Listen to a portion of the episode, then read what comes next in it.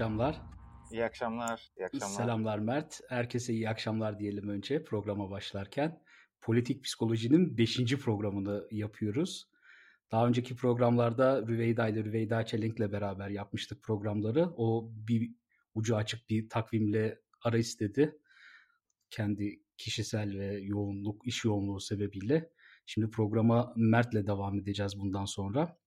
Mert de e, Bahçeşehir ve Işık Üniversitelerindeydi değil mi senin ders veriyorsun? Evet. Sosyoloji evet. ve yeni medya bölümlerinde ders veriyor. Beraber programı sürdüreceğiz.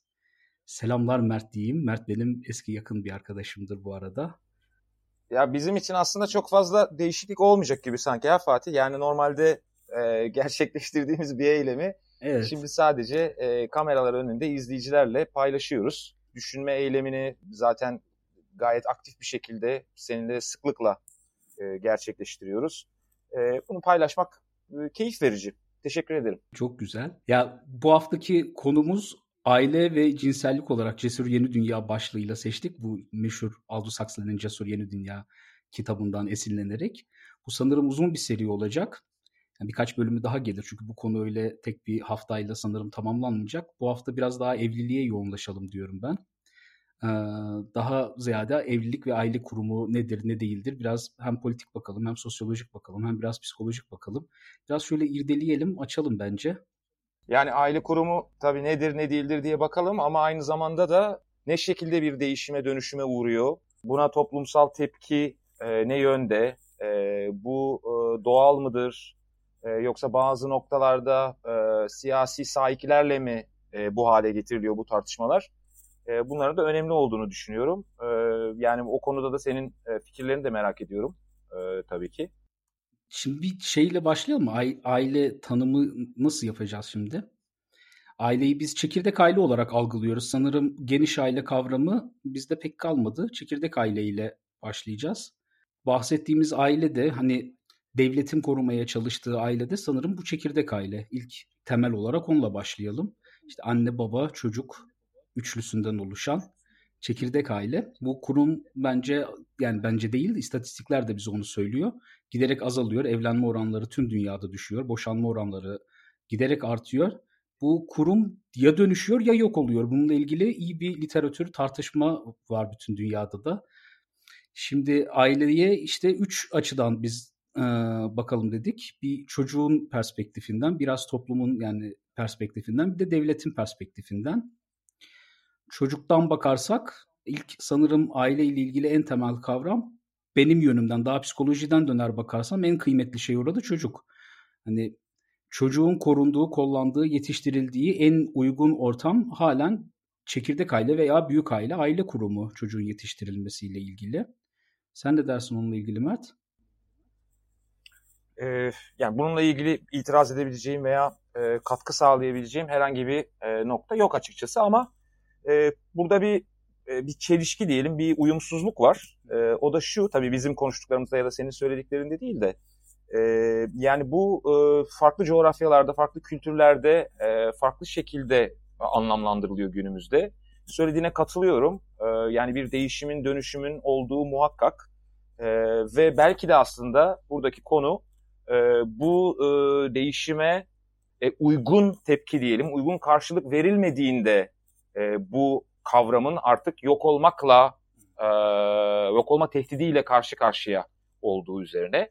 E, dünyada bu konularda yapılan gayet güncel, e, gayet sık sık tekrarlanan araştırmalar var. E, Türkiye için ne yazık ki bunun bu şekilde olduğunu söylemek mümkün değil. Dünyadaki veri e, bu kavramın yani aynen senin e, az önce e, net bir şekilde ortaya koyduğun gibi anne, baba ve çocuktan oluşan çekirdek aile e, kavramının ciddi dönüşümlere uğradığı yönünde. E, özellikle Avrupa ülkelerinde artık e, yani evlenmeden de bir arada e, yaşayan insanlar, çocuk sahibi olanlar var. E, bunun haricinde e, nasıl söyleyelim yani bizim alışmış olduğumuz şekilde e, heteroseksüel çiftlerin bir araya gelerek kurduğu ailelere ilaveten e, eşcinsel çiftlerin e, kurduğu, oluşturduğu aileler var. E, güncel tartışmalar bu çiftlerin e, tırnak içinde artık bu ailelerin evlat edinmesi, evlat edindikleri zaman o çocuğun geleceğinin nasıl e, sağlıklı olabileceği e, konularına yoğunlaşırken biz ne yazık ki tabii e, çoğunlukla Türkiye'de alışkın olduğumuz e, bir yaklaşım artık e, pek de yadırgamıyoruz. Yine anakronik bir şekilde e, bu konulara bakıyoruz. E, en son gene e, Ritük tarafından bir e, diziye e, neydi kavramımız? Türk Türk aile yapısı. Türk aile ha, yapısına, Türk aile yapısına e, uygun olmadığı, mugayir. Türk aile yapısına aykırı heh, yani e, eylemler içerdiği e, gerekçesiyle e, cezalar kesildi. Yani benim e, sorumsallaştırdığım e, kavramlardan aslında belki de bu konuda en önemlisi bu e, Türk aile yapısı denen kavram. Çünkü bana göre bunun herhangi bir sosyolojik karşılığı yok.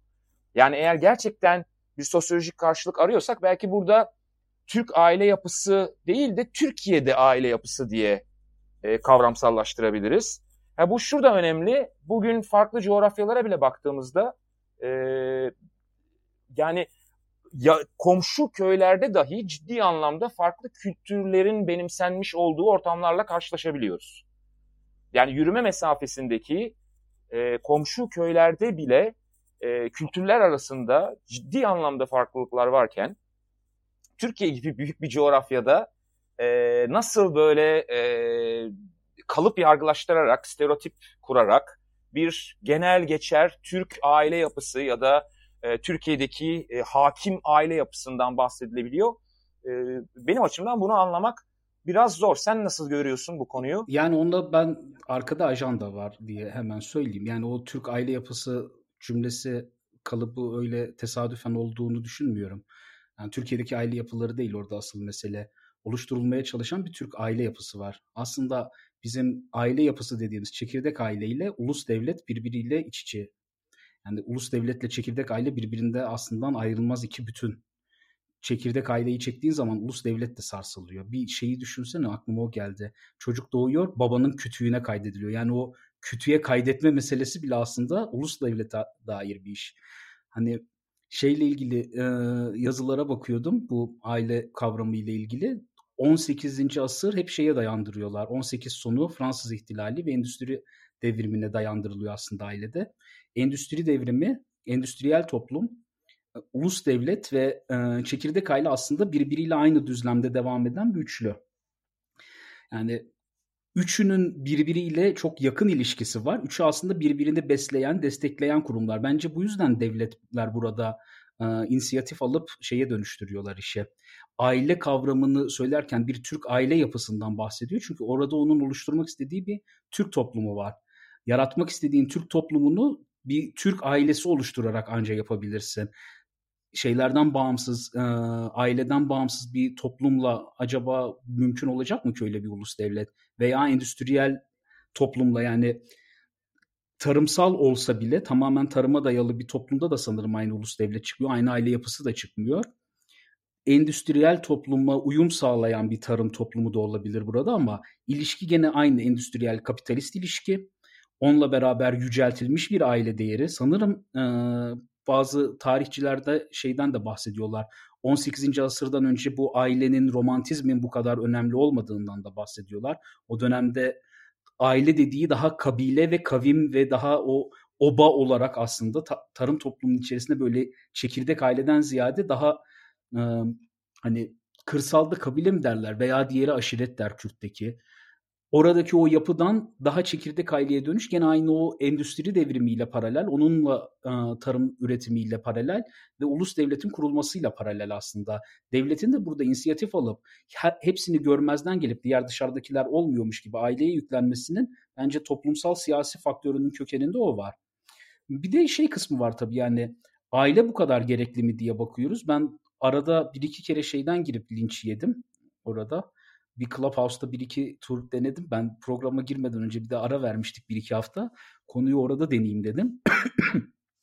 ya şeyden mesela linç yedim. Ya sorduğum sorulardan bir tanesi aile devam etmeli mi etmemeli mi? Gelen ne kadar önemli? Aileyi çok önemsiyoruz. Dediğim gibi yani 18. asırdan daha önemli bir şekilde endüstri toplumunda, ulus devletin içerisinde aile önemli. Zihnimize de öyle kazınmış. İşte Birleşmiş Milletler verileri vardı. En önemli kurum hangisidir dendiği zaman hep aile deniyordu. Bir de buna karşı çıkan bir ekol var. özellikle feminist ve Marksist, neo-Marksizmin içerisinden geliyor.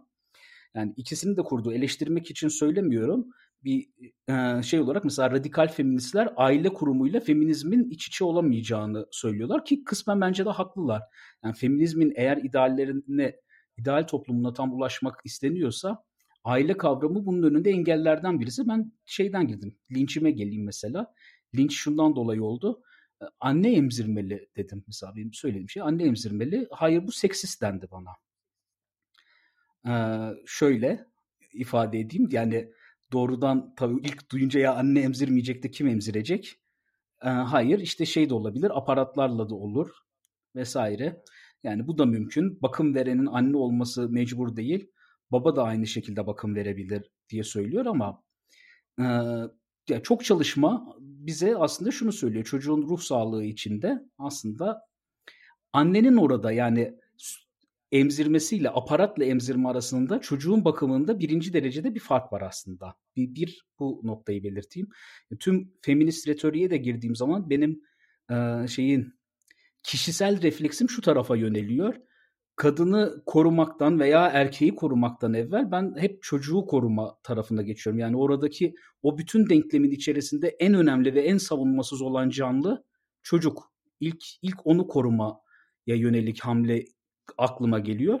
Bu bir taraftan şeye ters düşüyor bence. Bütün o feminizmin kurguladığı dünyaya ters düşüyor. Çünkü orada bir mesele var. Sırf dille oluşmuş değil, gerçekle de oluşan bir taraf var kadının orada rolü gerçekten çok elzem. Yani annenin rolü çok elzem. Çocuğun yetiştirilmesiyle ilgili. Bu varken nasıl dönüşecek aile kurumu onu bilmiyorum ama dönüşüyor bir şeye. Ve en çok buradan yara alan bu aile kurumu dönüşürken henüz bu hibrit halindeyken şu an yaşadığımız hibrit halindeyken bence en çok yarayı çocuklar alıyor. Bu bir yere varacak en sonu ama şu anda en çok yarayı çocuk alıyor. Devlet de burada kendisi de aslında yara alıyor. Devletin de burada aldığı bir yara var. Devletin aldığı yara da e, şeyden ziyade, çocuktan ziyade o da kendi otoritesi üzerinden yara alıyor. Çünkü aile kurumunun olmadığı bir toplumda devlet o kadar güçlü değil. Devlet o kadar ulus devlet de olamıyor. Biz bunu henüz e, karşılaşmadık ama Avrupa bununla daha çok karşılaşıyor. Anket vardı. Bir tane şeyde denk gelmiştim onunla. E, televizyon programında denk gelmiştim. Sonra doğru mu değil mi diye baktım da şimdi maalesef notumu almamışım. Aklıma şimdi geldi. Ee, savaşa gider misiniz? Ülkeniz için ölür müsünüz diye soruyordu. Avrupa'da buna hayır diyenlerin oranı e, yüzde yetmişleri geçiyor. İnsanlar gitmiyor, gitmek istemiyor. Ya bu sonuç e, makul değil mi ama sevgili dostum? Makul, yani, makul evet. olması gereken şey bu. Yani e, bu dönemde e, hayatın e, çok daha öncelendiği, e, bazı noktalarda hatta e, keyfe ve gündelik olana e, bana göre e, haddinden fazla, gereğinden fazla e, vurgu yapıldığı bir dönemde veya içinde bulunduğumuz şartlar e, çerçevesinde e, farklı iletişim araçlarının gelişiyor olması, bunların e, fikir paylaşımını, e, bunların ifadeyi ciddi anlamda demokratikleştirdiği bir dönemde e, bu sonuçlar çok normal. Yani şuna da katılıyorum. E, bugün yapılan çoğu araştırma, değerler araştırması ve e, kültürlerden de bağımsız olarak söylüyorum. E, dünyanın pek çok yerinde e, hala daha ailenin, e, aile kavramının e, insanlar nezdinde, bireyler nezdinde en önemli kavram olduğunu gösteriyor. Fakat tabii burada şunu bilebilmemiz mümkün değil. En azından var olan araştırmalar çerçevesinde bilebilmemiz mümkün değil. Acaba orada kullandıkları aile kavramıyla e, kastettikleri ne? Yani bizim burada bu coğrafyada kullandığımız aile kavramıyla kastettiğimiz ile o coğrafyalarda ya da farklı coğrafyalarda, farklı kültürlerde kullanılan aile kavramı aslında birbirine denk geliyor mu? Yoksa nüanslar mı var? E, bu önemli bir tartışma. E, ilaveten e, senin söylediklerin üzerine şunu da söyleyeyim. E, yani çok güzel bir saptama yapıyorsun bence. E, endüstri devrimi, ulus devlet e, ve o dönemki aile kavramı. Fakat e, yani sen de biliyorsun bunların hepsi değişti. Yani aile kavramı hariç en azından yani şu anda e, biz merciyi biraz aile kavramına yaklaştırdığımız için hani bugün e, bundan belki 40 sene önceki e, endüstriyel toplumdan dahi bahsetmek mümkün değil bugünün şartlarında. E, aynı şekilde e, çoğu yerde belki devam ediyor ya da en azından devam ediyor gibi görünüyor onu söyleyebiliriz ama e, ulus devlet kavramı da hem çok ciddi artık eleştiriye uğruyor, e, erozyona uğruyor. Çok ciddi anlamda bir anlam verilmesi var. Anlamı dönüşmüş vaziyette. Fakat bu kavramlara aslında senin de söylediğin üzere göbekten bağlı bir başka kavram olan ailede bazı kültürlerde hiçbir değişiklik olmaması e, yönünde bir beklenti var. Yani benim hayret ettiğim şeylerden bir tanesi bu. O beklenti ee, mi temenni mi? belki ikisi birden birbirine karışıyor da Bence orada beklentiden yani, ziyade bir temenni var. E, ya zaten aslında o değil mi bunu e, siyasallaştıran ya da siyasallaşmasını sağlayan ya da en azından bu kadar siyasallaştırmaya, siyasallaştırılmaya açık hale getiren? E öyle yani muhafazakar dediğimiz zaman Türkiye'de şimdi bu spektrumdan bakarsan ben sormuştum muhafazakara bir dergi çıkartıyorlardı muhafazakar bir şey dergisi diye. Hani detaylı bir şeyini söylemeyeyim de hangi dergi olduğu anlaşılmasın. Onun genel yayın yönetmeniyle bir gün denk geldik. Ya yani muhafazakarsınız da neyi muhafaza etmeye çalışıyorsunuz diye sordum. O konu bir anda karıştı. Neyi muhafaza ed- ediyorlar? Ben yıllardır sorarım bu soruyu kendime. Yani kim neyin muhafazakarlığını yapıyor? Sanırım en temelde muhafazakarlık yapılan şey aslında aile. E, şimdi bakarsak iki tane muhafazakar var bizde de. Bir Türkiye'nin böyle ana hattından bakarsan bir aslında Kemalist muhafazakarlık var. O çok modernmiş gibi bize anlatılıyor, söyleniyor ama orası da aslında muhafazakardır. O da klasik geleneksel aileyi koruyan bir muhafazakar kurumdur. Bir tarafta da dindar, İslami. Aslında tam İslami de diyemem. Yani bizim Anadolu'daki İslami modelle Ortodoks İslam'ın aile yapısı da birbirine çok uymuyor. Mesela bizde hiçbir zaman böyle poligami, çok eşlilik, polijini o kadar yaygın olmamıştır. Yani belki Kürt coğrafyasında biraz daha yaygın ama şeyde o kadar yok. burada şöyle bir düzeltme yapmayı önersem ne dersin? Yani tamam, e, yaygın olmamıştır demek yerine e, aslında belki gayet yaygın ama e, ulu orta yaşanmıyor e, ya da ulu orta yaşanmamıştır. Yani e, çünkü veriler de o yönde e, gayet kafa karıştırıcı diyeyim ve zihin açıcı. E, bugün e, İslami kesimin içinden de bunu çalışan hatta bu yönde çok ciddi eleştiriler, eleştiriler getiren e, düşünürler diyelim e, araştırmacılar var. E, yani bu e, tırnak içinde gizli poligami, gizli çok eşlilik. E, bir yandan da tabii dışarıdan bakıldığında samimiyeti, e, tutarlılığı, iç tutarlılığı da e, sorgulanır hale getiriyor o kesimler için ve e, sosyolojik Günümüzden söylüyorsun o, değil mi ama?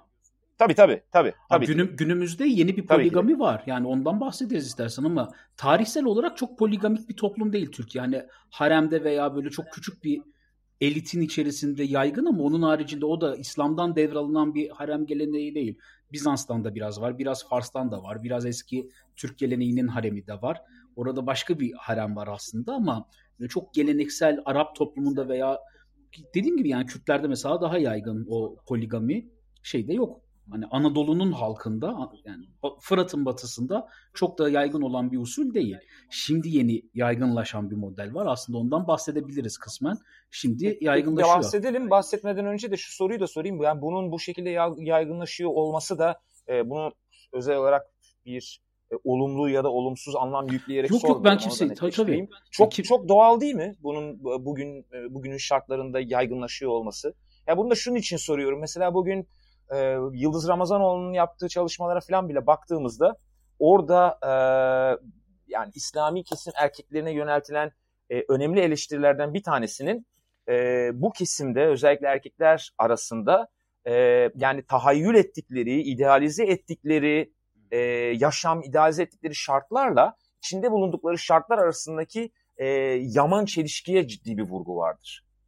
Yani gerek çalışma ortamında olsun, gerek toplumsal hayatta olsun, e, yani çok kabaca söyleyeyim, şu şekilde söyleyeyim. E, onu önceki tartışmalarımızda sen de e, gayet iyi açıkladığın için, gayet keyifli açıkladığın için de e, öyle bir pas atmış olayım sana. E, yani belki de sevgililerini ya da ikinci eşlerini veya işte ikinci partnerlerini diyelim en genel anlamda e, çok da İslami e, arka planı olan ya da çok da İslami e, gelenekten gelen insanlardan e, seçmezken bu insanlar e, ama evlenecekleri insanları ya da evlendikleri insanların o geleneği devam ettirmesini bekliyorlar. Hmm. Aileyi devam ettiren başka bir eş var. Bir tane de şey var orada. Paralelde birey olmuş kişinin devam ettirdiği aile var. Yani bu bunu bunu şöyle yapalım işte bir bölünmüş kişilik var. Şimdi biraz geriden alalım oradan. Ee, aslında soru şu ideal olan muhafazakar toplum var. Yani muhafazakarın zihninde işte Türk aile yapısına aykırı bu dediği ki bu Türk aile yapısının az önce söylediğim gibi bir Kemalist versiyonu var. Kemalist Türk aile versiyonu, Türk ailesi versiyonu var. Türkiye'deki aileler değil. Türk ailesi zihninde tabu, şey yaptığı, idealize ettiği ve olması gerektiğini söylediği bir aile var. Bir de İslami versiyonu var veya dindar veya muhafazakar adına ne diyelim. Onun devam ettirmek istediği bir aile profili var. O aile profilini söylüyor. Ama ve lakin eşyanın tabiatı bu söylediğiyle uyuşmuyor. Kendi istekleri, arzuları da hayatı da bununla tam uyuşmuyor, örtüşmüyor. Paralelde modern bir aile yani daha doğrusu devam ettirdiği ailenin yanında modern bir hayata da sahip olmak istiyor bir tarafta. Bir de tabii ilişkiler var. Ya yani polijini ile ilgili, poligami yani e, erkeğin çok eşli olması ile ilgili şeyin çok çalışması vardır. Satoshi Kanazawa diye London School of Economics'te bir hoca var. Böyle biraz spekülatif bir adamdır severim de. Orijinal yazıları var. Çok e, politically incorrect bir adam. Onun bu konuyla ilgili yazıları var. Net söylediği şeyi ilişkisine bakıyor. İktisadi olarak orta sınıf azaldıkça polijini artıyor. Çok nettir. Eğer ki bir toplumun içerisinde gelir adaletsizliği, gelir eşitsizliği arttıkça polijini artar, çok eşlilik artar. Bizim son 20 yılda yaşadığımızda aslında Türkiye'de bu siyasal İslam'la daha içli dışlı, hükümet elitiyle daha içli dışlı olan yeni bir zengin zümrenin yaşadığı e, yeni hayat tarzının bir parçası da aslında hızlı bir zenginleşmeyle gelir eşitsizliğinin artmasıyla paralel. Doğal sonuç dünyanın her yerinde bu olmuştur. Evet ikinci bir eşe, üçüncü bir eşe imam nikahlı kavuşma şansına sahip oluyorlar ki Satoshi Kanazawa'da erkeğin doğal olarak aslında poligamist yani polijinist olduğunu iddia eden evrimsel psikologlardan birisi. İnsanın doğasında bu var. İnsan yönelmek ister diyor. Tabii buna karşı çıkan psikologlar da var. Bizim oluşturduğumuz benlik kimlik buna aykırıdır. Biz monogamiye daha tarafızdır diyenler de var. O tartışmaya şimdi tam girmeyelim. Ora daha uzun ve başka bir tartışma. Söylediğinde o tartışmaya şu... belki Hı, bu noktada şöyle bir yerde girilebilir. Yani en azından e, ufak da olsa bir e, netleştirme yapılabilir diyeyim. Hı hı. E, bugün gene e, toplumsal cinsiyet rolleri üzerinden yöneltilen eleştirilerde e, ve bu eleştiriler doğrultusunda ya da en azından bu eleştirileri temel alarak bunun üzerine inşa olan e, araştırmalarda e, şöyle iddialar, şöyle önermeler var aslında, şöyle argümanlar var.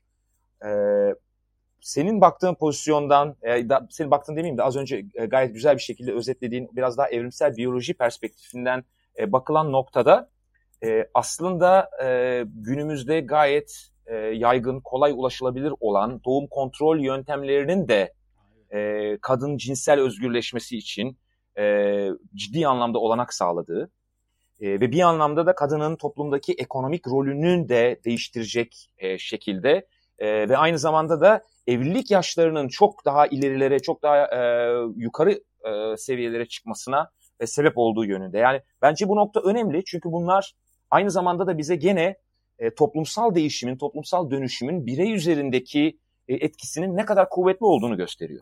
Zaten e, ve biz belki de bu toplumsal dönüşümü kabul etmeden e, ki bu bununla barışmak veya bunu tasvir etmek anlamına gelmez. E, ne kadar sağlıklı bakabiliriz? Bu bence çok büyük bir soru işareti. Hı. Ya zurnanın zırt dediği yer şeyde başlıyor zaten. O e, contraceptions ne şey doğum kontrol yöntemlerinin gelişmesiyle başlıyor. Yani bütün cinsel devrim zaten onunla birlikte başlıyor. İnsanların da burada daha özgür diyelim evet özgür olmaları, evlilik kurumunun sarsılması bir taraftan bununla alakalı. Çünkü daha önce cinselliğe ulaşmak için insanların evlenmesi gerekiyor. Evliliğin bir sorumluluğu şeyi var, sonucu var. Çocuk var, çocuk olacak ve bu çocuk kimden? Toplumun devam etmesi için bu gerekiyor. Yoksa biz insanlarda bu evlilik kurumunu hani e, nereden geldiği konusunda bir şey düşünürsek antropolog olarak döner bakarsak bir milyon insanı bir arada oturtmak istiyorsan birbirlerini kesmeden nasıl bu insanlar yaşayacak diyorsa evlenecek kimin kimin karısı olduğu kimin kimin kocası olduğunu belli olması lazım. Yoksa kan çıkar. Tabu, tabu yani Freud'un bahsettiği tabu budur yani ilk konulan yasaktır. Ensest kimin kiminle cinsel ilişkiye gireceği organize edilmeden medeniyet kurulmaz. Bu medeniyetin özü. E sonraki meseleye gelelim işte bizim yaşadığımız evrim de bütün yakalamaya çalıştığımız şey de bu. Doğum kontrol yöntemleriyle beraber 1960'larda başlıyor zaten doğum kontrol. 1960'lardan itibaren hikaye değişmeye başlıyor tüm dünyada. O akın akın dünyanın her yerinde yeni bir insan, yeni bir ilişki modeli yaratıyor. Evliliği sistemin dışarısına kısmen tamamen yok olmayacak bu arada. Evliliğin ben tamamen yok olacağını düşünmüyorum. Kısmen dışarıya çıkartmaya başlıyor. Bizde en son geldiği yer muhafazakar ailenin içerisinde. Yani oraya da girdi artık bu sirayet etti. Bu kapitalizmin de sattığı bir şey kısmen. Yani kapitalizmin desteklediği, beslediği bir şey. Bir insanın 50 çift ayakkabısı varken ben ben benim düşüncem bu yani 50 çift ayakkabısı alan bir insanın ömrün sonuna kadar bir kişiyle beraber olabileceğiyle ilgili benim ciddi şüphelerim var. Yani bu tüketim toplumunun bir paraleli. Nasıl diyorsak ki ulus devlet, orta sınıf ve şey yani orta sınıf yaşam, ulus devlet, endüstri toplumu ve çekirdek aile onların hepsi aslında birbirini besleyen bir çizgi ise post endüstriyel toplum işte e, bizim yaşadığımız ne, neokapitalist, neoliberal düzen çok Marksist gibi konuşuyorum ama hakikaten yani neoliberal düzen bunu getiriyor. Marksist değiliz. Yani ben değilim şahsen de. Marksizmin yöntemlerini kullanabilirim bazen. Kimse şey yapmasın. Marksist demesin bana bundan dolayı ama yani bunun da söylediği taraf aynı. Bu yapıyla da bizim bildiğimiz aile uyuşmuyor. Orada mesela yeni modellerden bir tanesi şey beraber yaşamak dediğin gibi. Amerika'da yeni bir model çıktı. serial monogamy diyorlar serial monogami yani seri halde monogami. Onunla ilgili Norcross'la yani bir, bir psikologla görüştüm. O bu konuda yazmıyor ama e, birkaç tane daha makale vardı. Ondan bahsetti. Yeni model Amerika'da işte kişi başına hayat boyu düşen evlilik adedi iki buçuğa yaklaşıyor Kaliforniya eyaletinde. Çünkü herkes işte bir gençlik yıllarında evlilik yapıyor. Amerika ile vesaireyle ilişki yani oraları bilenler e, takip edenler de bilir. İşte bir gençlikte 18-19 yaşında yapılan evlilik var. O orta yaşa doğru bitiyor. Orta yaş döneminde ya bekar kalıyorlar ya bir evlilik daha var. Ondan sonra ileriki yaşlarda bir evlilik daha var. Ömür uzadı. Zaten bunun temel teorisi şu bizim ömrümüz uzadı. Eskiden 40 yıllar yaşamaya göre bir evlilik kurumu kurmuştuk. Şimdi 80 yıl yaşıyoruz. 80 yılda aynı kişiyle sürmez gibi bir mantık var. Bunu söyleyen aslında doğru mu değil mi? 80 yılda da ömür geçer ama 50 çift ayakkabı alıyorsan, ömrün boyunca 4 kere ev değiştiriyorsan, 8 kere ev değiştiriyorsan, kariyerin sürekli değişiyorsa, çok hareket eden bir insansan, bambaşka yeni bir hayatta yaşıyorsan, kariyerin senin hayatında ailenden daha önemli bir şeyse, böyle yeni bir insana dönüştüysen e, evlilik de değiştirmek isteyebilirsin. Partnerini değiştirmek isteyebilirsin. Veya işte doğumla ilgili mesele. Biraz böyle net yani teorikten biraz daha pratik bir şey söyleyeyim sonuç var. Evet karı da çalışıyor koca da çalışıyor. Karı koca çalışıyorlar beraber. Gerçek bir senaryo kuralım. Elimizde ne var? İkisi de çalışmadan hayatını idame ettiremiyor büyük şehirde. Erkek öyle çok büyük bir e, gelire sahip değilse zaten kadın da kariyer yapmış, iyi kötü üniversite okumuş. E, belki kocasından da daha iyi, belki daha şöyle, daha böyle. Yani orada bir kariyer sahibi olmak ya istiyor. Ya ki bu o gayet de olabilir. Yani evet, bundan tamam, e, daha doğal bir bu. şey de yok. Tamam, senaryomuz burada bu. Hadi devam edelim senaryoyu. Çocuk oldu. Ne yapacağız şimdi? Kadın kariyerini kesmek zorunda. Alternatiflerimize bakalım. Kadın kariyerinde 2 yıl 3 yıl ara vermesi gerekiyor. Ee, çocuğun bakımı o ilk bakım dönemi için bir alternatifimiz bu. Ara verdiği zaman ne oluyor? Kadın kariyerine eskisi gibi dönemez. Yani zaten çok rekabetçi bir ortamdayız dünyada. Sen öyle 2 yıl 3 yıl kariyerine ara verdin ondan sonra geri geldin. O hikayede çok geriye düşersin. Ee, e hadi oradan şeye geçelim. Onu yapmadık. Alternatifi burada e, erkekle beraber bunun sorumluluğunu alsınlar, paylaşsınlar. Yani ikisi de part time çalışsın. ikisi de kariyerine devam ederken erkek de burada feragat etsin. Erkek de aynısını istiyor. Yani kadının kariyerini isterken erkek istemiyor mu? O da istiyor. O da kariyerinde ara vermek istiyor. E, şey ara vermek istemiyor. Ne olacak burada? Erkek de evlilikten kaçıyor. Kadın da burada evlilikten kaçıyor. Çünkü burada sorun kadın veya erkek olmak, çocuğa bakım, çocuk probleme dönüştü ya. Bu çocuk ortada kaldı. Kim bakacak? Hadi biz bunu anneanneye, babaanneye satalım. Hadi bizim eski boomerlara satıyoruz. Bizim arkadaşların falan çoğu boomer jenerasyonda sattı. Ne yapacaksın? Yani bakıcı 8 tane bakıcı değiştirmiş bilmem ne sonra psikoloğa geliyor. Yani net söyleyeyim 8 kere çocuğun bakıcısı değişirse psikoloğa müşteri olur ömrünün uzunca bir süresi boyunca. Onun bir, bir kaçarı yok. Olacağı şey budur. O çocuğun ilk dönemde ciddi bakım al- alıyor olması lazım ve onun o bakım veren kişinin stabil olması gerekiyor. Şimdi burada kimi feda edeceğiz? Ya aileyi komple yani hikaye şeye benziyor. Hangi filmdeydi o? Ee, Butterfly Effect vardı hatırlıyor musun? Sonunda alternatifler evet. üretiyordu. Evet. Ee, yani evet. spoiler alert diyelim. Butterfly Effect şey e, kelebek etkisinin sonunda şöyle bir şey oluyor. Yani 40 tane senaryoyu deniyorsun. Hiçbirisi olmuyor. En iyisi ne Şam'ın şekeri ne Arap'ın yüzü diyorsun. İlişkiden tamamen vazgeçiyorsun. 80 tane versiyon denesek biz burada. Ya kadın burada e, mağdur olacak ya erkek mağdur olacak ya çocuk mağdur olacak. En iyisi kimseyi mağdur etmeyelim. Hiç bu topa girmeyelim'e geliyor. E, bence dünyada e, büyük bir kesim bu tarafa doğru yönelmek mecburiyetinde. Yani yaşadığımız düzen böyle devam ederse iş buraya varacak. Veya hani birileri buralardan yara görecek. Bence bu da birbiriyle ilişkili ve nereye varacağını ben bilmiyorum şahsen. Yeni durumun kötü mü, iyi mi olacağını da bilmiyorum. Ona da bir şey diyemem. Eskinin de çok iyi değildi. Yani aterkil aile düzeni de öyle dünyanın en verimli, en şahane modeli olduğunu iddia etmiyorum ama fonksiyoneldi bir yere geldi. Bak dünya nüfusunu 8 milyara çıkarttı bu model. Çok arttı. E tabii çok artması da iyi bir şey mi? Onu da söyleyemeyiz. Biraz dağıttım bu konuyu. Ne diyorsun Mert? Sen biraz toparla istersen. ya güzel. Dağıtmadım bence. Açtın. Ee, yani yeter ki kontrol edebileceğimizden e, fazla açılmış olmasın. Ee, bence e, çok sağlam saptamalar var. Aklıma gelen sorular da var bununla birlikte. Bir tanesi şu, e, senin öngördüğün projeksiyonda diyelim. Hı hı. bu sorun ki yorumlar kısmında da var bir yandan da onları takip ediyorum. yani alıştığımız anlamda ya da kullana geldiğimiz anlamda aile e, kavramının e, içinde bulunduğumuz güncel şartlarda, içinde bulunduğumuz e, yani iyice artık kaçıncı defadır evrilmiş e, kapitalist üretim e, ekonomisi sisteminde e, var olmaya devam etmesinin çok zor olduğu. Hı hı. Şimdi buradan tabii bir açılım yapabiliriz. Bir tanesi şu yani e, o mantıktaki yani o kurgudaki ailenin e, devam etmesinin bize ne faydası var? Biz kimiz? Onu biz devam ettirmek zorunda mıyız? Dünya topluluğu diyelim. Ya. Hmm.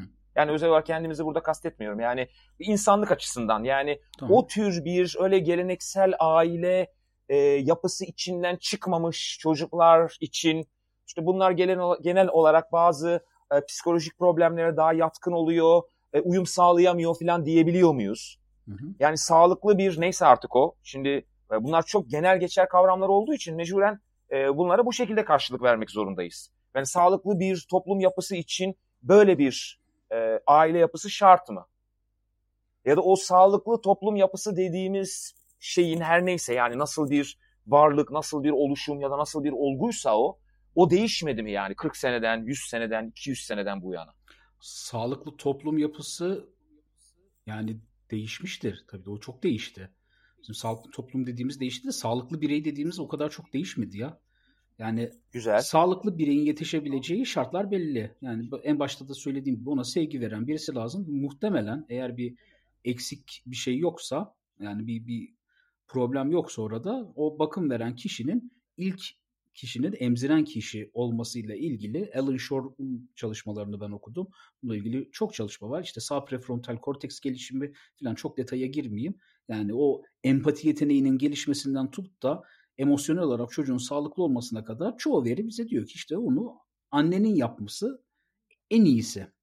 Yani en iyi yöntem bu. İlk 3 senede de çocuğun zaten gelişiminin %60'ı o kişilik yapılanmasının en önemli 3 yılı bu, bu dönem. En önemli süresi bu dönem ve bu dönemin içerisinde de şey olması lazım. Annenin bakım vermesi toplum için en ideal. Yani bu işte neo-Marksist meseleden gelelim. Yani dil kurmuyor bunu. Dil dünyayı inşa etmiyor. Neo-Marksist retorik bize şeyi söylüyor. Yani o oradan kurdukları mekanizma diyor ya dünyayı dil inşa ediyor. Yok arkadaş işte ya dünyayı dil inşa etmiyor. Dünya zaten bir inşası var. Sen bunu dille değiştirebilirsin doğru ama doğanın sana söylediği bir şey var. Ve bu söylediği şey de işte tam olarak bu, bunu senin yapman gerekiyor diyor. Veya buna alternatif bir şey üretebilecek misin? O yüzden Cesur Yeni Dünya. Cesur Yeni Dünya'da bunu makinalar yapıyordu Aldous Huxley'nin dünyasında. Biz Cesur Yeni Dünya'da yeni bir şey kurabilir miyiz? Bilmiyorum belki de kurabiliriz. Kurduğumuz zaman da evet yeni bir şey inşa edebiliriz burada. Yani kurabilir miyiz, e, kuramaz mıyız sorusundan ziyade bence burada daha işlevsel olan soru e, yani kurmazsak ne olur? Çünkü hmm. bana göre e, bu mevcut şartlar altında bu sistemin veya sosyolojik anlamda bu kurumun, e, evlilik mekanizmasının, evlilik kurumunun ve aile kurumunun e, devam etmesi çok zor. Tamam. E, yani e, yine baktığımızda zaten e, bu kadar birbirine bağlı şartlar dahilinde oluşmuş bir kurumun o şartlar bu derece değişime dönüşüme uğramışken e, aynı şekilde kalması e, imkansız gibi bir şey. Doğru. O zaman kalmaz. Bir de e, biz biz bir sürü kavramımızı yeniliyoruz da e, bu kavramı niye hiç yenilemeyi düşünmüyoruz? O da bence çok önemli. Alternatif bulamadık henüz. Ya şeye bak. Japonya. Yani alternatif bul ya örnek ben sana vereyim ne olur? Japonya olur. Tam tam örneği Japonya. Japonya'ya ne oluyor? Nüfusta nüfusun %30 erkeklerde aseksüel. Kadınların %50'ye yakını evliliğe tamamen ömür boyu karşı çıkıyor. Çok yüksek bir oran. %50 olmayabilirdi de çok yüksek bir oran. Erkeklerde %30 aseksüelliğe eminim. Ee, ülke yeniden nüfusu artırabilmek için ne yapması gerektiğine yoğunlaşıyor. Çocuk nüfus dengede tutmanın bildiğimiz aile yöntemi dışında yani sağlıklı çocuk dengede tutmanın başka bir yöntemini dünya henüz keşfetmedi.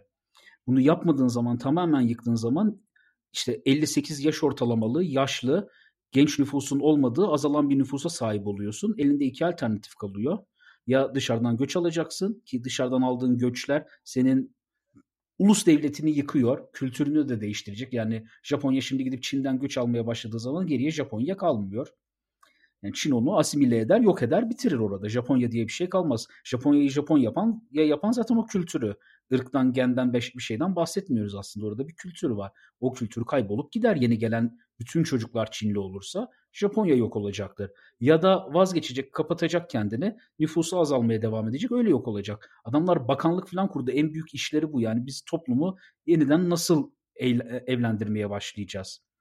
Adamların en temel derdi bu. Şimdi bu Ama işte bence burada yapılan hata veya işlevsel sorun aynı aile kavramı devam ettirilirken veya aynı evlilik kurumu e, kavramları devam ettirilirken bunu yapmaya çalışıyorlar ve zaten bireylerin hmm. uyum sağlayamadığı nokta da belki burada. Yani ben herkes evliliğe karşı olsun, herkes aile kurumuna karşı ha, olsun tamam. demiyorum ama aile kurumunu önemsemenin de veya aile kurumuna önem vermenin, değer vermenin de farklı yöntemleri var. Belki de buna devam e, önem vermeye devam edildiği için ya da etmeye etmek için aslında aile kavramının e, hmm. e, içeriğinin değişmesi gerekiyor. Çünkü e, o devraldığımız tarihsel e, kavram e, bugün için e, sadece işlevini kaybetmiş değil, aynı zamanda e, devam ettirilmesi de mümkün olmayan bir noktada bana göre. Doğru. Bunu bu şekilde yaparsanız hani evleneceksin, e, işte oturacaksın, başka yere gitmeyeceksin, oraya bakmayacaksın, bunu yapmayacaksın, işte şu şekilde zaman geçireceksin, işte bayramlarda şunu yapacaksın, tatillerde bunu yapacaksın denildiğinde bugünkü bireyin ihtiyaçlarıyla e, bunlar uyumsuz bir gerçeklik yaratıyor. Hani bunun olmaması demek aile kurumunun yok edilmesi ya da aile kurumunun e, dibine kibrit suyu dökülmesi demek değil. Hmm. Yani aile kurumunun belki de devamını sağlayabilmek için bu kurumun için barındırdığı bazı anlamları, bazı yöntemleri değiştirmek, değiştirmek lazım. lazım. Ya mesela işte zorluklardan birisi boşanmanın çok zor olması. Değil mi? Yani insanları uzak tutan meselelerden birisi. Çocuk bakımı ile ilgili ama gene işte bir yerde takılıyoruz. Şeye gene takılıyoruz. Kapitalizmin kendi döngüsünün içerisinde bir şey var orada onu engelleyen.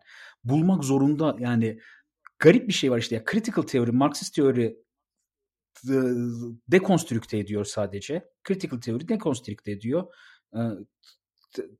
Yapıt söküm yapıyor sadece. Alternatif, muhafazakar, liberal yeni bir şey üretmiyor buna karşı. Ne olduğunu söylemiyor. Yani sadece muhafazakarlar hadi eskiyi muhafaza edelim diyoruz. Alternatif çok fazla bir cümle kurulmuyor bununla ilgili. Yani ne yapacağımızla ilgili bilmiyoruz. Cesur Yeni Dünya evet dediğim gibi yani ben burada tek başıma benim bilgi muktesebatım yetmez dünyaya böyle bir öneride bulunmaya tabii ki.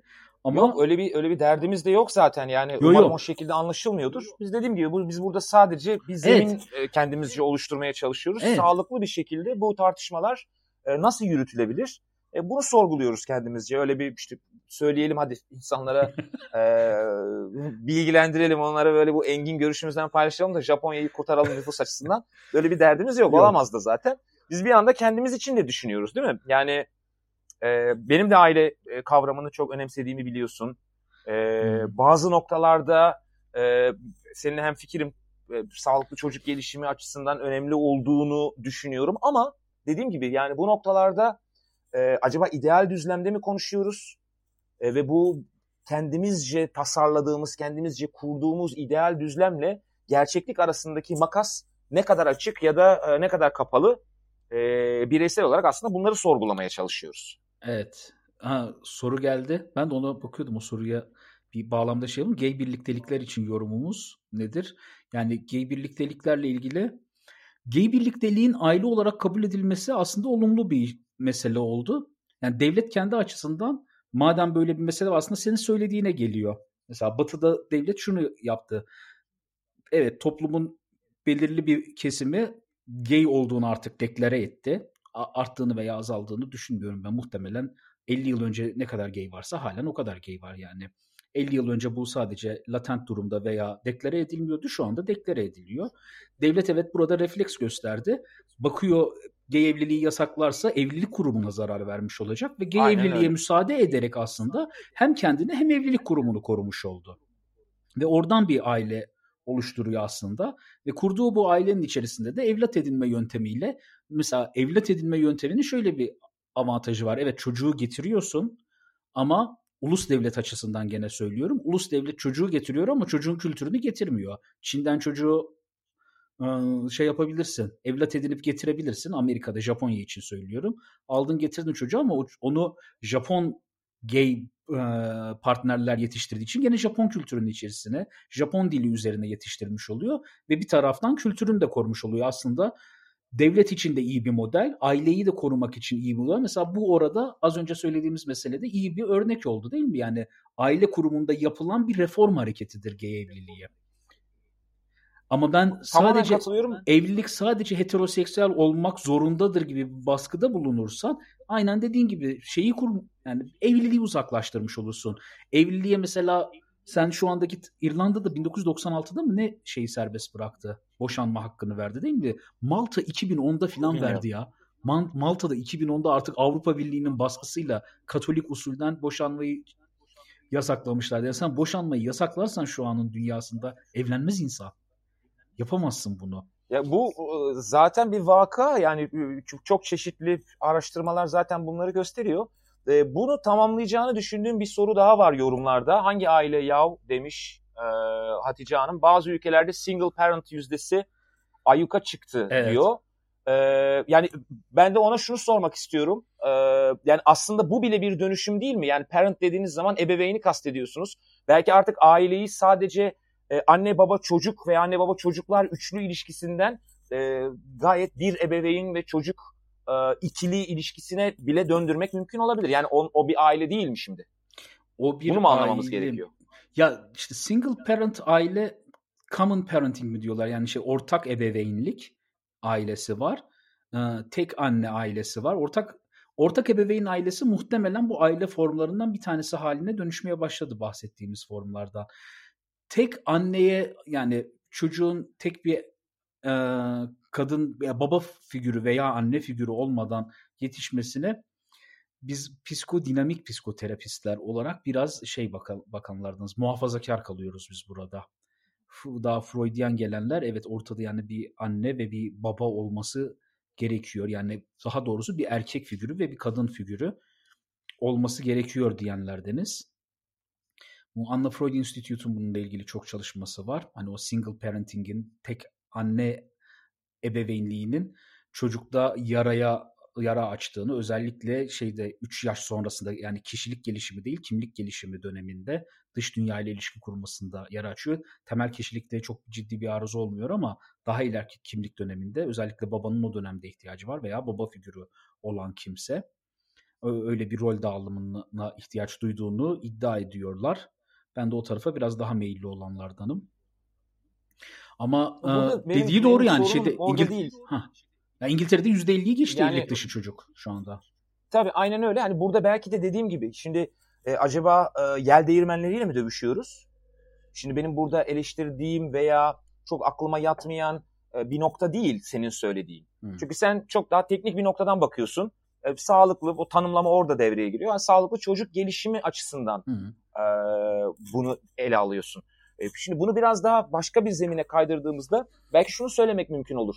Yani insanların e, karısı ya da kocası veya işte çocuğunun annesi ya da çocuğunun ba- e, babası e, ölebiliyor. Evet. E, başka sebeplerle e, ortada olmayabiliyor. Bunun pek çok şeyi var. E, ama çeşitli toplumlarda, çeşitli kültürlerde, çeşitli ülkelerde e, bu e, yapılara da aslında destek mekanizmaları geliştirilmiş vaziyette. Tamam. Yani devletin gelip destek sağlaması, belki o senin söylediğin yani bunun nasıl işlediğini pratikte bilmiyorum. E, o konuda yanlış bir bilgi vermeyeyim, yanlış bir şey paylaşmayayım ama işte belki o ihtiyaç duyulan baba figürü için bir şey yapıyorlardır. Ha. Belki ihtiyaç duyulan anne figürü için bir şey yapıyorlardır. Yani var olan bir gerçekliğe ve hatta işte senin söylediğin üzere %50'yi geçmiş vaziyette olan bir veriye e, biz ne yapacağız? Yani hayır biz bunu tasvip etmiyoruz dediğimizde iş bitiyor mu? Çözülüyor mu sorun? Çözülmüyor. Bitmiyor yok. Yok bitmiyor. Doğru. Yani bizim burada eğer derdimiz sağlıklı bir toplum yaratmak ya da toplumun sağlıklı bir şekilde devam etmesini sağlamaksa bakabileceğimiz çok geniş bir spektrum var. Ya ben burada... Belki de aslında... Hı. Tabii buyursunlar. Söyle söyle yok sözünü kestim pardon. Söyle. Ya belki de aslında burada dediğim gibi yani bu e, açık zemin oluşmadığı için de bunlar tartışılamıyor Türkiye toplumunda. Hı, Türkiye'de biz Türkiye'de çok uzak yani, ya. Yani alternatif bir görüş iddia etmek, farklı bir yaklaşım sunmak yani bu neredeyse mümkün değil. E peki bu böyle olmadığında biz bunu böyle e, katladık, sardık, sarmaladık, hurcumuzun içine koyduk, kaldırdık abicim. E sonra ne olacak bu orada? 8 Mart'ta Yani onu bırakırız. yeniden açtığımızda o o şekilde çıkmıyor tekrar. O şekilde tekrar aynı vaziyette onu bulmuyoruz. Yok. Doğru söylüyorsun. O ondan ondan bir şey çıkmaz. Ama şey var yani babanın eksikliğinde veya baba kaybı oldu diyelim orada. O boşluğu dolduran mesela şey var. Ee, dayı olabilir. Anne yeniden evlenebilir. Yani, yani bir, sürü, bir sürü şey olabilir. Anne dede olabilir. Yani ihtiyaç mesela, olan baba figürü işte, ise tabii.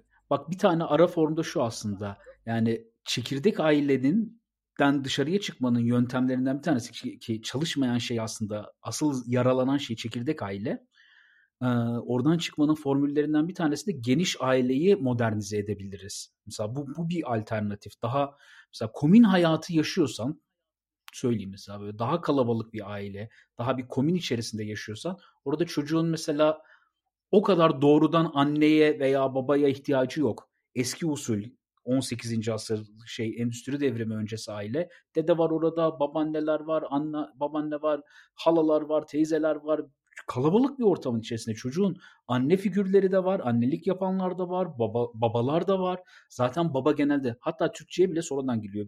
Yani biliyorsun geleneksel Türk ailesinde aslında baba Farsçadan geliyor. Medeniyet yani şehirli topluma özeldir. Ee, Türkçenin içerisinde ata vardır ki o da dededir. Yani atadır ailenin şeyi. Hmm, asıl ya erkek ama burada figürü. şöyle önemli bir nokta yok mu dostum? Nasıl? yani o daha kalabalık aile, daha geniş aile dediğimiz e, sosyolojik olgu değil. Aslında Hı-hı. o dönemin şartlarına o kadar bağlı ki. Yani Doğru. senin tarım toplumunda e, çok ciddi anlamda insan gücüne ihtiyacın var. Doğru. Şimdi bu kadar hareketli hale gelmiş bireylerin olduğu ki bunu e, çoğu zaman e, yani kendi özelimizde söylemiyorum. Bizim o noktada olmadığımızı biliyorum ama e, yani çok makbul bir şeymiş gibi de yansıtıldı senelerce bu. Bakın artık ne kadar hareketli, küreselleşmiş toplum, e, seyahat imkanlarının ucuzlamış olması, hmm. e, artmış olması ciddi anlamda sıklığı vesaire üzerinden. Bununla birlikte bu e, kültürel farklı kültürlerin birbirleriyle karşılaşmalarının yaşanması, kültürel temasın sağlanıyor olması. Yani hmm. çünkü o karşılaşmalar olmadan, o yakınlaşma olmadan aslında anlama eylemini, karşındakini anlama eylemini e, dahi e, hakkını vererek yerine getirmek çok mümkün değil. Doğru. Yani bazı noktalarda o anlama eyleminin, o kültürel yakınlaşmanın, o kimi zaman ya da kimi durumlarda kültürel iç içe gelmenin bu kadar makbul olduğunu iddia ederken e, bir yandan da eyvah burada bir problem var demeye başlayan e, toplumlarla karşı karşıyayız. Doğru. Yani bunlar bir arada e, var olmaya devam etmesi çok zor bir şey yani. Ya bir tanesindeki çünkü değişim ciddi anlamda diğerinin işlevini etkiliyor. Ciddi anlamda diğerinin e, varlığını e, etkiliyor ya da işte dediğim gibi belki biraz anlam yükleyerek söylersek tehdit ediyor. Peki bunun bir çözümü var mı? Bilmiyorum yani her şeyden önce belki daha açık tartışarak bunları, evet, yani daha açık düşünerek öyle bir zeminde en azından e, değerlendirmeye değerlendirmekle başlayabiliriz. Yani çünkü bu konuşulmadan ya kimsenin çıkıp sormuyor olması çok hayret edici değil mi ya? Bu kadar sık duyduğumuz hmm. Türk aile yapısı. Ya nedir? Ya ben merak ediyorum. Nedir kardeşim bu Türk aile yapısı? Nedir? Yani bir tırnak içinde Türk aile yapısından bahsederken bir işte Türkiye sınırlarında bir Kürt aile yapısından bir ne bileyim yani Ermeni aile yapısından da mı bahsetmemiz gerekiyor? Ya da bu aile yapıları arasındaki fark bu etnik temeller üzerinde mi eğer ki bir fark varsa? Etnik Veya şehirli toplumun yani kentleşmiş aileyle hala daha kırsalda yaşamaya devam eden ailenin yapıları aynı mı? Ya da bunu söyleyenler bizim bunlara inanmamızı mı bekliyorlar? Dediğim gibi o bir inşa süreci. Yani inşa hani ben tamam öyle söyleyelim denenmiş belki de çalıştığı zamanlar olmuş olabilir ama şu an çalışmıyor. Yani e, bunu söyleyen kişi eğer aile kavramına önem verdiğini söylüyorsa o zaman bu yaptıklarıyla çok ciddi bir e, iş tutarsızlık içinde. Ciddi bir tutarsızlık var çünkü bu iki e, konum arasında. Ne, doğru. Yani siz bugün yani bunu e, Alain Badiou da çok net olarak ifade ediyor. E, Aşka Övgü kitabında. E, yani devam etmesini istiyorsanız e, hiçbir şekilde reformize edilmemiş, reforme edilmemiş bir hmm. kavramdan bahsediyoruz başladığı andan itibaren. Veya yani şu bir anomali mi? Ee, evlenmeden bir insanın çocuk sahibi olmak istiyor olması e, bir gariplik mi içeriyor? Evet, bunlar çok artık soru. Çünkü biz bir saati doldurmak üzereyiz. Doldurmayalım, geçmeyelim dedik bir saati. Bu sorularla zaten başta da söylediğimiz gibi bu program daha uzar. Birkaç seri daha yaparız bununla ilgili, bu konuyla ilgili. Biraz daha bakarak evlilikle bu programda böyle bir genel giriş yapmış olduk. Birazcık da soru sorup kafa karışıklığı yarattık. Programı ben Bence diyorum... eğer onu yapabildiysek e, gayet e, başarılı olmuşuz demektir sevgili dostum. Yani eğer kafa karışıklığı çünkü kafa karışıklığı olmadan bu kavramların yenilenmesi, insanların şöyle bir aynayı kendilerine tutup bakmadan bu kavramlar üzerinde hmm. e, yani kusura bakmayın eğer fazla cüretkar konuşuyorsam ama e, bu kavramlar üzerinde bu kadar rahatlıkla konuşmalarını e, ben garipsiyorum, yadırgıyorum. Yani hepimiz mi acaba çok mutlu çocukluklar geçirdik yoksa hepimiz mi çok mutsuz çocukluklar geçirdik ki bu kadar kesin yargılarla, bu kadar netleşmiş düşüncelerle konuşabiliyoruz bu konular hakkında. Hepimiz... Yani bunları biraz karıştırmak lazım ve e, bir beklemek lazım belki de ne hangi kısmı çökecek, hangi kısmı suyun üstünde kalacak. E, tabii ki bence e, muhtaç bu konu belki iki belki üç program daha kaldırır yani. Onu kaldırır söyleyeyim. kaldırır. O zaman programı Daha şey cinsellik bitirelim. konusuna doğru düzgün giremedik. Ne, daha ne kadar gireceğiz, çabuk geçti bu Gireceğiz. Saat. O zaman programı şey bitirelim. En az üç çocuk diyerek bitiriyoruz arkadaşlar. Tabii. yani en az üç çocuk diyoruz. Bir sonraki hafta görüşmek üzere diyelim. İyi akşamlar.